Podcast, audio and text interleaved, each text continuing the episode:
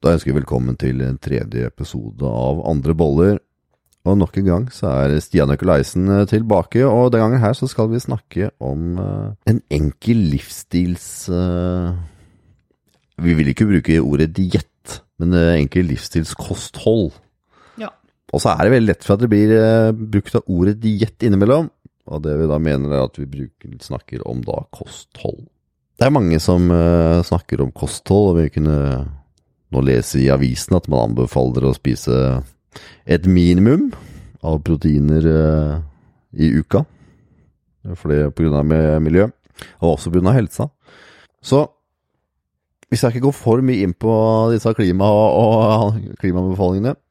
Men vi skal iallfall uh, gå inn på de forskjellige typer uh, diettene det er snakk om, og ikke minst hvordan du kan gjøre noe enkelt som er mulig å gjennomføre. Mm. For Vi har jo tidligere i episoder snakka om det med målsetninger og valg og verdier. Og det som ofte skjer, er at mange prøver en diett, og så klarer de en uke eller kanskje to, og så har de feila. Og så tenker de at åh, det får jeg ikke til, og så går det rett på selvtilliten. Og Derfor ønsker vi heller å snakke om en enkel livsstilskosthold som er gjennomførbart. For det handler om tross alt om å få mestringsfølelse, få en godfølelse. Bare oh, da fikk jeg det til. Hva tenker du er en enkel eh, livsstilskosthold eh, som alle kan gjennomføre, uansett om de har eh, ti barn og tre jobber, eller om de har mer tid hjemme? Det enkleste, det er jo selvfølgelig å gjøre det du alltid har gjort. ja. Ikke sant? Så spiser du brødskiver til frokost og lunsj og kjøttkaker og poteter til middag og brødskiver til kvelds, så er selvfølgelig det det absolutt enkleste. Men om du ønsker å faktisk ja, enten om det er å gå ned i vekt, eller om det bare er for å få mer energi, bedre konsentrasjon, kanskje mindre smerter. Eh, så Det kommer litt an på hva på en måte folk ønsker. Men hvis du da ønsker å bli det vi kan kalle, skal vi kalle det sunnere Ja, skal vi si det? Ja. ja.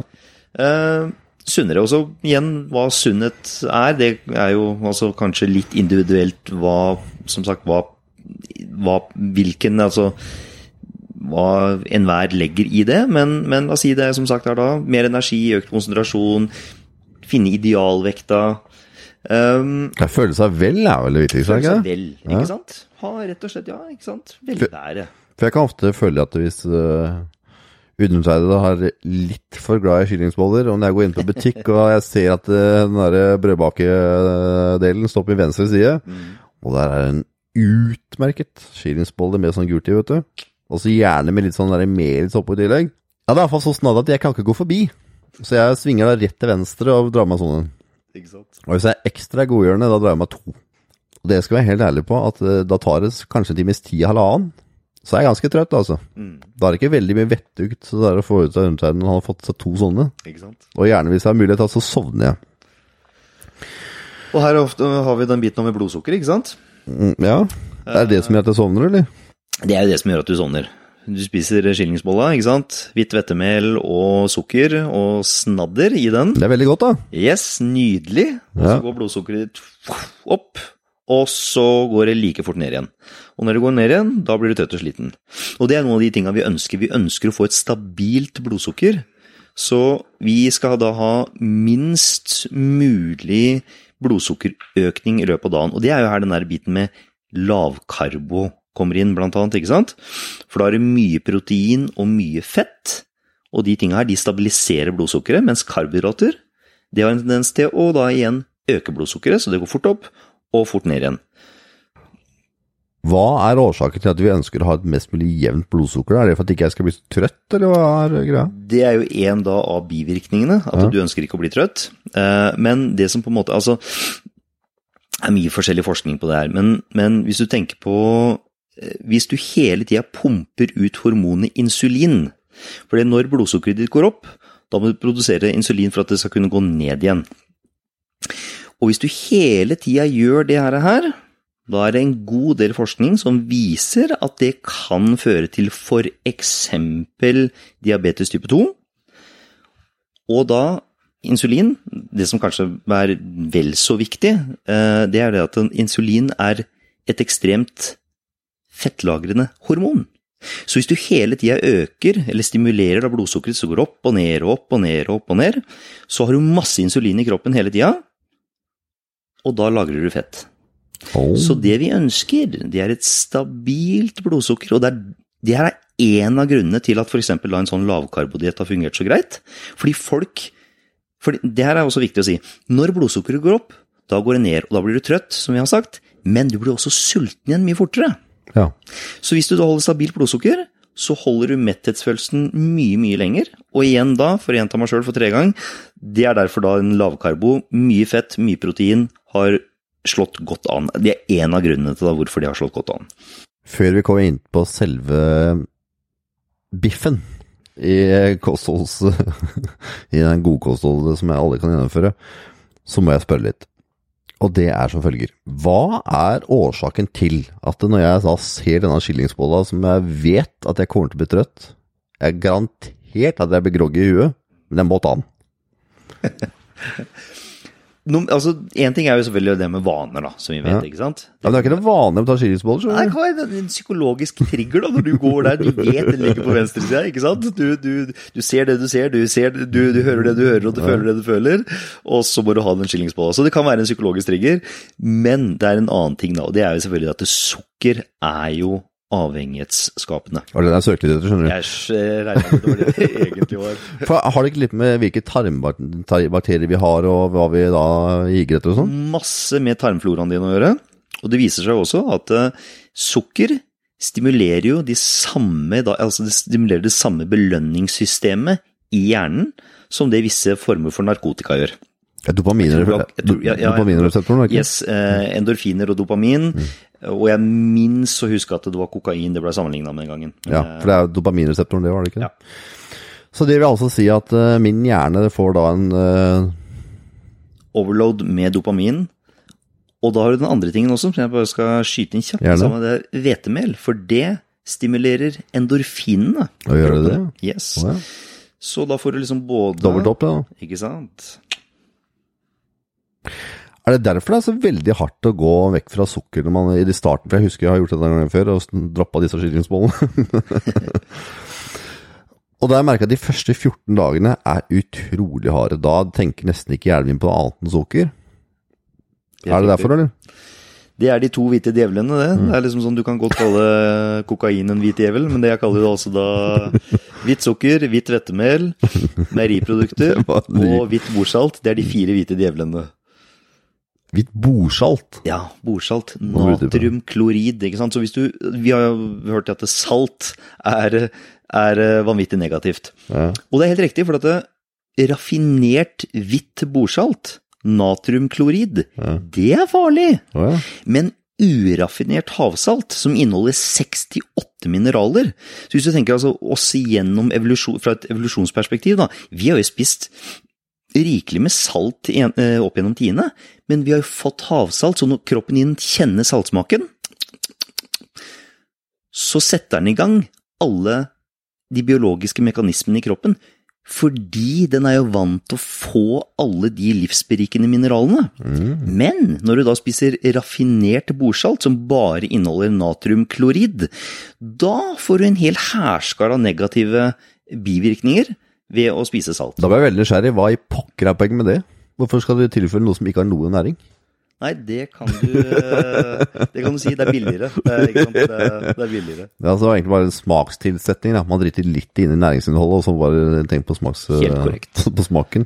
Og det er rart, og det jeg bare nevner det, er at jeg håper å si studiene som er gjort på salt, da, eh, som da viser at det her er ikke bra for blodtrykk, hjerte- og karsykdommer osv., osv., de er da basert på natriumklorid, ikke på uraffinert havsalt. Er det det? Mm. Vil det si at uh, doseringa da er forskjellig, da? Ut fra hva man tåler av det? Absolutt. Mm. Absolutt. Og det er klart at hvis du f.eks. har eh, nyresvikt, ikke sant, hvis du, hvis du har mista en nyre, hvis du har problemer med nyren og sånn, så skal du være forsiktig. Jeg sier ikke at vi skal dynke i så mye salt de bare kan, men, men, men salt er viktig. Salt er f.eks. veldig viktig for binyrene dine. Jo mer stress du utfører, eller jo mer stress du utfører, jo mer stress du er utsatt for, eh, jo mer salt og mineraler trenger du. For eksempel. Så jeg pleier å si at for hver Er det for at magnesium blir mye brukt da, eller? Magnesium, kalium, kalsium, alle mineralene blir, blir svidd opp, kan du i gåsehudene si, når du har et høyt uh, energiforbruk. Uh, så jeg pleier alltid å si det, at ta én fingerklype med uraffinert havsalt oppi hver liter vann du drikker. Og den ideelle mengden vann for folk å drikke, det er jo 0,03 per kilo kroppsvekt. Så hvis du veier 50 kilo, så skal du drikke 1,5 liter vann. Veier du 100 kilo, så kan du drikke 3 liter vann. Nå kommer det til å komme en liten sånn gigantisk avsporing. Nå ble jeg veldig nysgjerrig. vet vi hva som eh, Når vi er stressa, vet vi hva som faktisk brenner de forskjellige mineralene, eller? Det er bare alle de eh, Kjemiske reaksjonene, eller? Ja. Alle de, ikke sant, organene, kjertlene, muskel- og skjelettsystemet, nervesystemet, hormonsystemet, eh, eh, eh, mage- og tarmsystemet. Alle de biologiske prosessene i kroppen til sammen gjør at du forbrenner mineralene. Er det ikke sånn at hjernen egentlig forbrenner veldig mye? Altså, husker Hjernen forbrenner veldig mye energi og magnesium, eh, altså mental eh, men, eh, mental, altså Hvis du har økt mental kapasitet Eller ikke økt mental kapasitet hvis Forbruk. Du, helt riktig, takk skal du ha. Ja. Eh, da forbrenner du ekstra mye magnesium. ja. Så det kan være det du Ja, det var det jeg søkte etter her, ja. Grunnen til at jeg ville at du skulle litt inn på det sporet her, jeg tror det er veldig mange som aldri tenker om mineraler. For det er veldig ofte jeg snakker med mennesker som har eh, angstproblematikk. Og da er det første jeg spør om, tar du magnesium? Og da er det sånn, eh, hæ? Nei, det- ikke gjør ikke det. Og jeg tenkte du kunne få lov til å utdype litt, ja. Hva er årsaken til at uh, undertegnede helt garantert deg selv stiller spørsmålet hvorfor uh, har du tatt magnesium i det siste? Mm. Altså Magnesium det er jo med på å støtte under 300 biologiske eh, mekanismer i kroppen. Og de som er Så er flere enn D-vitaminer? Ja. samme Det er det samme? ja. 200. En tror jeg. 24 en 24. del av alle Ja, eh, helt riktig. Eh, og det som er Det du merker mest ved magnesium, er jo da selvfølgelig økt mental eller fysisk arbeidsmengde. Så forbrenner du mer og mer magnesium, og det du kjenner det kjappest på da, det er rastløse bein, ja. angst eller engstelse, ikke sant? Mm, Nervøsitet, urolighet, urolighet. Eh, søvnvanskene kommer fort inn. Enten at du, det tar lengre tid før du sovner, eller at du, du våkner opp på natta. Og det er det mange sliter med, at de våkner opp kanskje rundt tre-fire, og de får ikke sove igjen. Eh, så det, det er liksom de vanligste. Det er god sammenheng med cirkadianrytmen, da. Ja.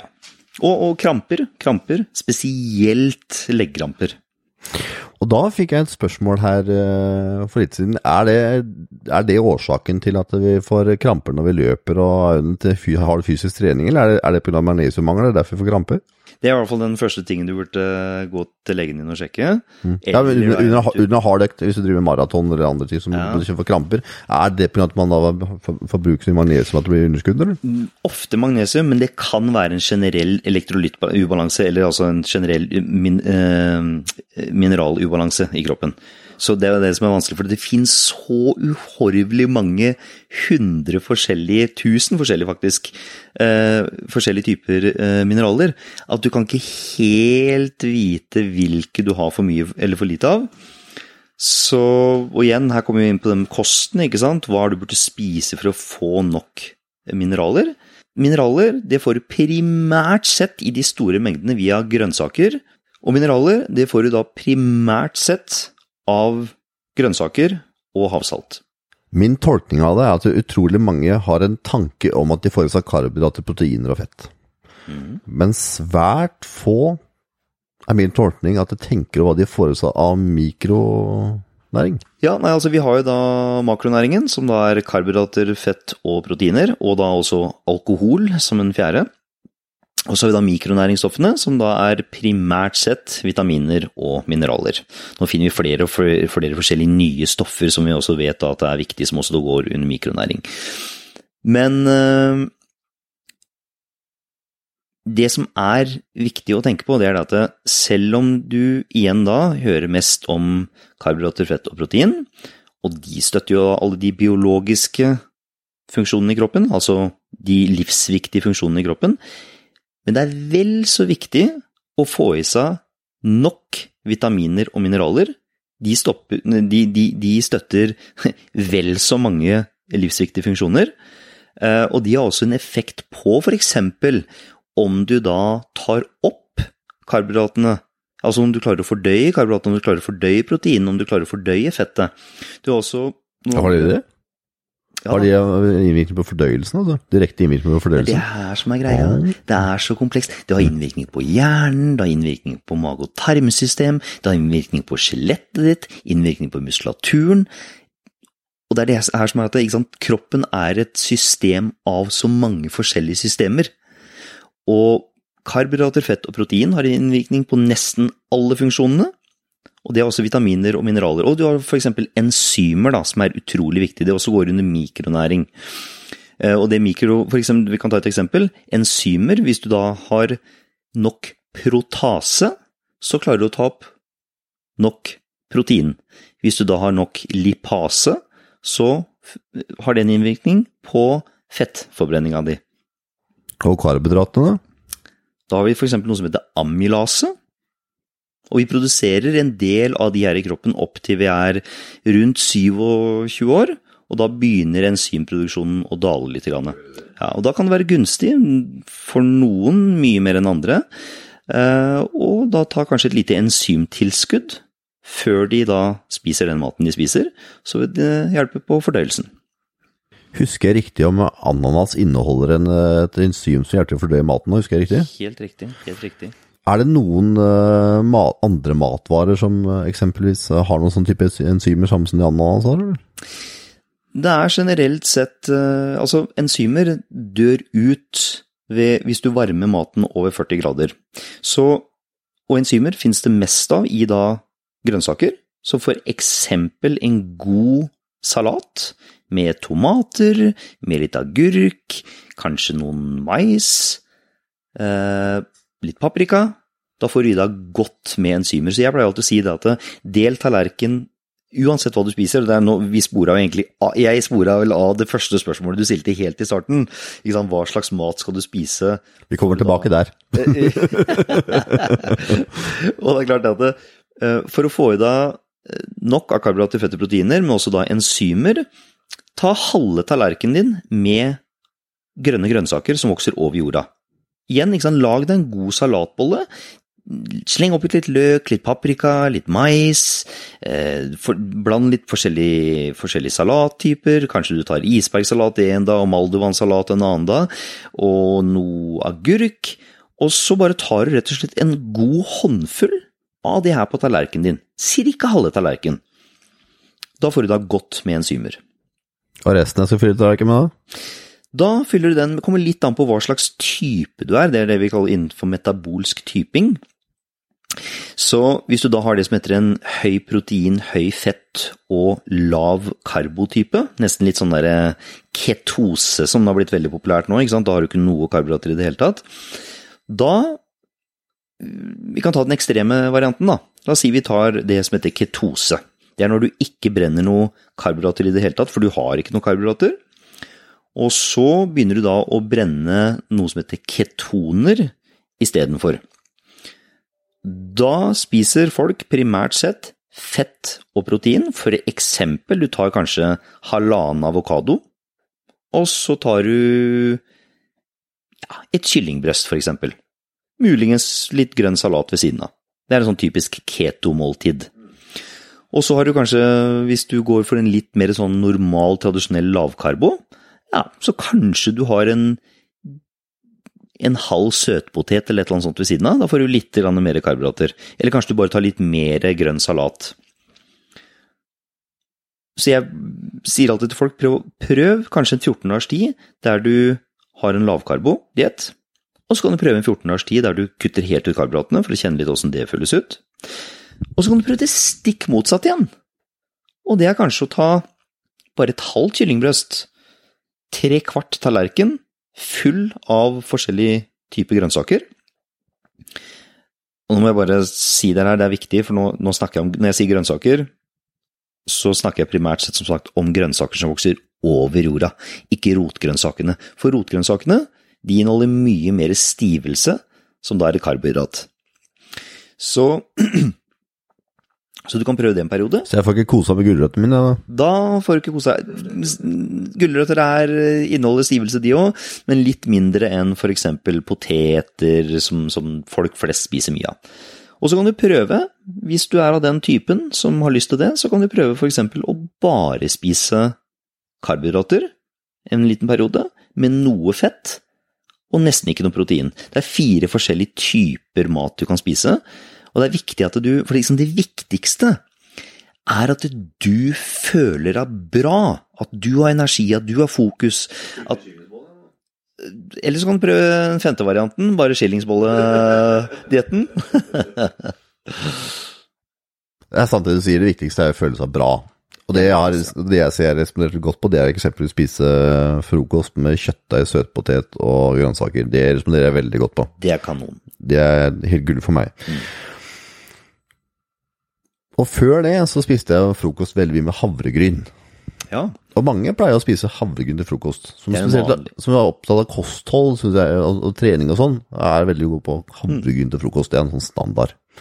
Så du sier egentlig at havregryn kaster ut vinduet, eller? Det som er veldig viktig, det er å rullere på maten din. For hvis du spiser den samme maten måned etter måned etter år etter år etter år, så er det lett for at immunforsvaret ditt kan begynne å reagere negativt på den maten.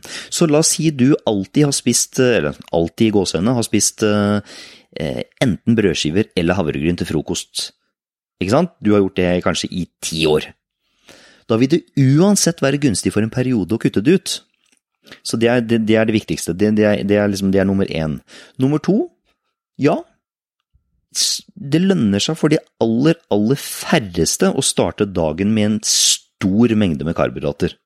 For karbohydrater det øker det som heter serotonin, som er lykkehormonet, men det er litt sedativt, så du litt, kan bli litt sløv osv. osv. Og så er vi tilbake til det med blodsukkeret. Hvis du starter dagen med karbohydrater som øker blodsukkeret ditt kjapt, da vil blodsukkeret gå, gå, sakte ned igjen, nei, gå fort ned igjen. Og da har det gående resten av dagen. Så det, det, er bedre å starte dagen, uansett om du behøver ikke å gå på en lavkarbodiett generelt sett, men for de aller fleste, begynn dagen med litt større andel protein og fett, og mindre karbohydrater.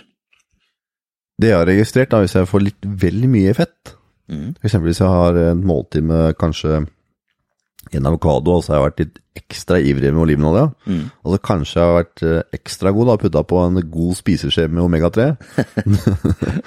da begynner liksom fordøyelsen til undertegnede å slå seg skikkelig vrang. Ja. Men det er ekstremt mye fett for folk flest. For nå snakker du om nesten 35 gram med kanskje 40 gram med fett. Ja. Så, så, så, så det, det, blir veldig mye. Så, det blir voldsomt. Så, så, når jeg sier mye fett, så kan det være faktisk det kan være en halv avokado og kanskje en spiseskje med omega-3. Det er mye fett for folk flest. Er det det? Det, det er nesten mer fett enn, en folk får Eller nå, nå snakker jeg om sunt fett, vel å merke. Det er nesten mer sunt fett omtrent kanskje folk får i seg i løpet av en hel dag. Vi har jo hørt tidligere at kokosolje, mm. kokosfett, var veldig sunt. Og så mm. plutselig så kom det inn at nei, det var absolutt ikke sunt.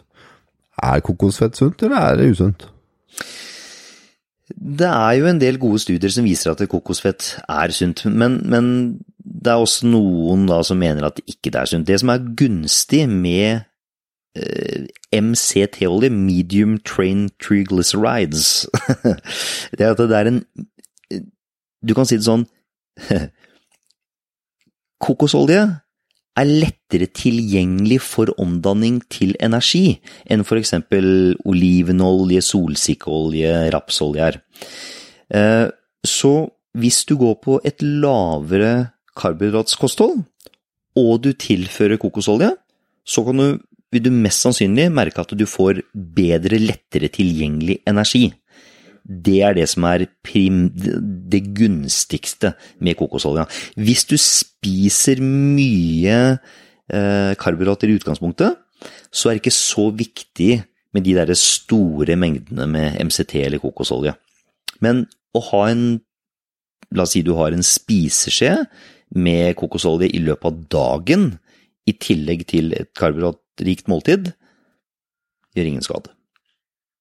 Jeg lager veldig ofte smoothie, for de liker både små og store. Og da må jeg sjekke den smoothien min, for jeg ble litt sånn tenksom her når du sa at det ble ganske mye fett. For i den smoothien så pleier jeg da å ha f.eks. En, en halv pose med frosne blåbær. Og så har jeg da gjerne ja, mm, nesten en halv pose med frosne jordbær. Og så har jeg en hel avokado. Og så har jeg gjerne da to sånne gode skjeer med MCT-olje. Eh, oppi der kan det hende at det forsvinner opp en halv banan også. Uh, er det noe mer som forsvinner oppi der? Jo, og så forsvinner det opp, selvfølgelig oppi kollagen. Ja. Uh, og noen fire, ja, tipper fire eggeplommer, tenker jeg. Ja, eggeplommer, ikke eggehvitene. Nei, egge, eggeplommer. Ja. Da tenker jeg, Er det for mye fett, eller? Det er en rikelig mengde med fett, med fett du får der. Det, det ville for de aller, aller fleste skapt uh, fordøyelsesproblemer. Ja, det ville det, ja. Ja. Ok, så jeg er litt ivrig der. Ja, der er du litt ivrig. jeg, ville, jeg, ville kanskje, jeg ville kanskje vurdert å i hvert fall gå ned en tredjedel. Uh, ja, er avokadoen man burde ta, altså, ta en halv avokado istedenfor hele? Avokadoen Det første altså, Det er litt tilbake på det her med kokosolje igjen. Noen mennesker reagerer veldig negativt på kokosolje med hensyn til kvalme. Oh, ja. Så kokosolje er det jeg ville redusert først på. Ja. ja. Så begynn med å redusere kokosolja. Uh, og det kan jeg til, til lytterne også. Om de går på en lavkarbo, høy fett, høy protein uh, diett, og de merker at åh, jeg klarer ikke å fordøye det her, og, de, og den inkluderer store doser med MCT eller kokosolje, så prøv å redusere den først. Uh, så det vil jeg gjort først. Reduser den. Hvis du Ja, ja, jeg ville gjort det. Jeg ville begynt, begynt, med å redusere kokosolje. Du spurte meg er det eggeplommer eller er uten, uten eggehvite. Ja. Hva var årsaken til at du spurte om det? Det var fordi det du primært sett spiser nå, det er karbohydrater og fett. Det er ikke noe særlig Du, du sier jo kollagen, da, som da er noen aminosyrer. Men uh, jeg ville jo absolutt hatt en større ratio av proteiner også. Så hvis du for eksempel uh, hadde tatt La oss si du hadde redusert til to eggblommer og to helegg, og så redusert da med én spiseskje eh, kokosolje, så blir det mer balansert. Greit. Ja. Er det noe annet for Det er noen ganger som jeg har litt kesam oppi også, Ja. eh, for å få litt av proteinene her. Der har du den ene dietten, Frank. Der har du den ene meieriprodukter. Nei, nei, nei. er det noe annet Er det fordel kanskje det tilfeller proteinpulver oppi, eller er det noe annet jeg kan gjøre for å få til litt mer protein oppi her? Ja, et, et godt et godt enten vegetabilsk proteinpulver av ris og quinoa og erteprotein f.eks. Eh, eller da hvis du tåler igjen, hvis du tåler meieriprodukter, altså hvis du tåler melk, så kan du jo finne deg et godt, et godt myseprotein eller, eller kaseinproteinpulver. Da skal jeg huske neste gang jeg skal lage en smoothie for hele familien, at jeg skal litt ned på fettet og litt opp på proteinet. Det er veldig god, skjønner du. Det er veldig god. Ja, den er et slager for alle. Vi har nå snakka om en Jeg håper i alle fall for deg som lytter at du har nå fått en, noen tips og noen tanker, for det vi er ute etter med denne podkasten er jo i både kunnskap og tanker, men ikke minst noen, å sette noen frø. Og så noen frø hos deg. Og nå håper jeg at vi har sådd noen frø, og så kommer vi til å følge opp med seinere med de forskjellige typer diettene. Men først så handler det egentlig om å finne en enkelt ting som du kan gjøre for deg. Og før at vi nå skal begynne å komme hele masse og egentlig bare bli for mye, så er det heller å starte i det små. Så ønsker vi deg lykke til. og hvis du trenger en tips til en god shake og en god smoothie, så fikk du det akkurat. Så til du som lytter på, så må du gjerne sende oss forslag til, til temaer. Og hvis du ønsker at du skal gå mer inn på noe, så sender du det til podcast at myrevolution.no. Så tusen takk for at du hører på, så ønsker vi deg lykke til med en kostholds... livsstils livsstilskosthold-kos. Mestring. Tusen takk for at du hører på, og ha det bra. Ha det bra.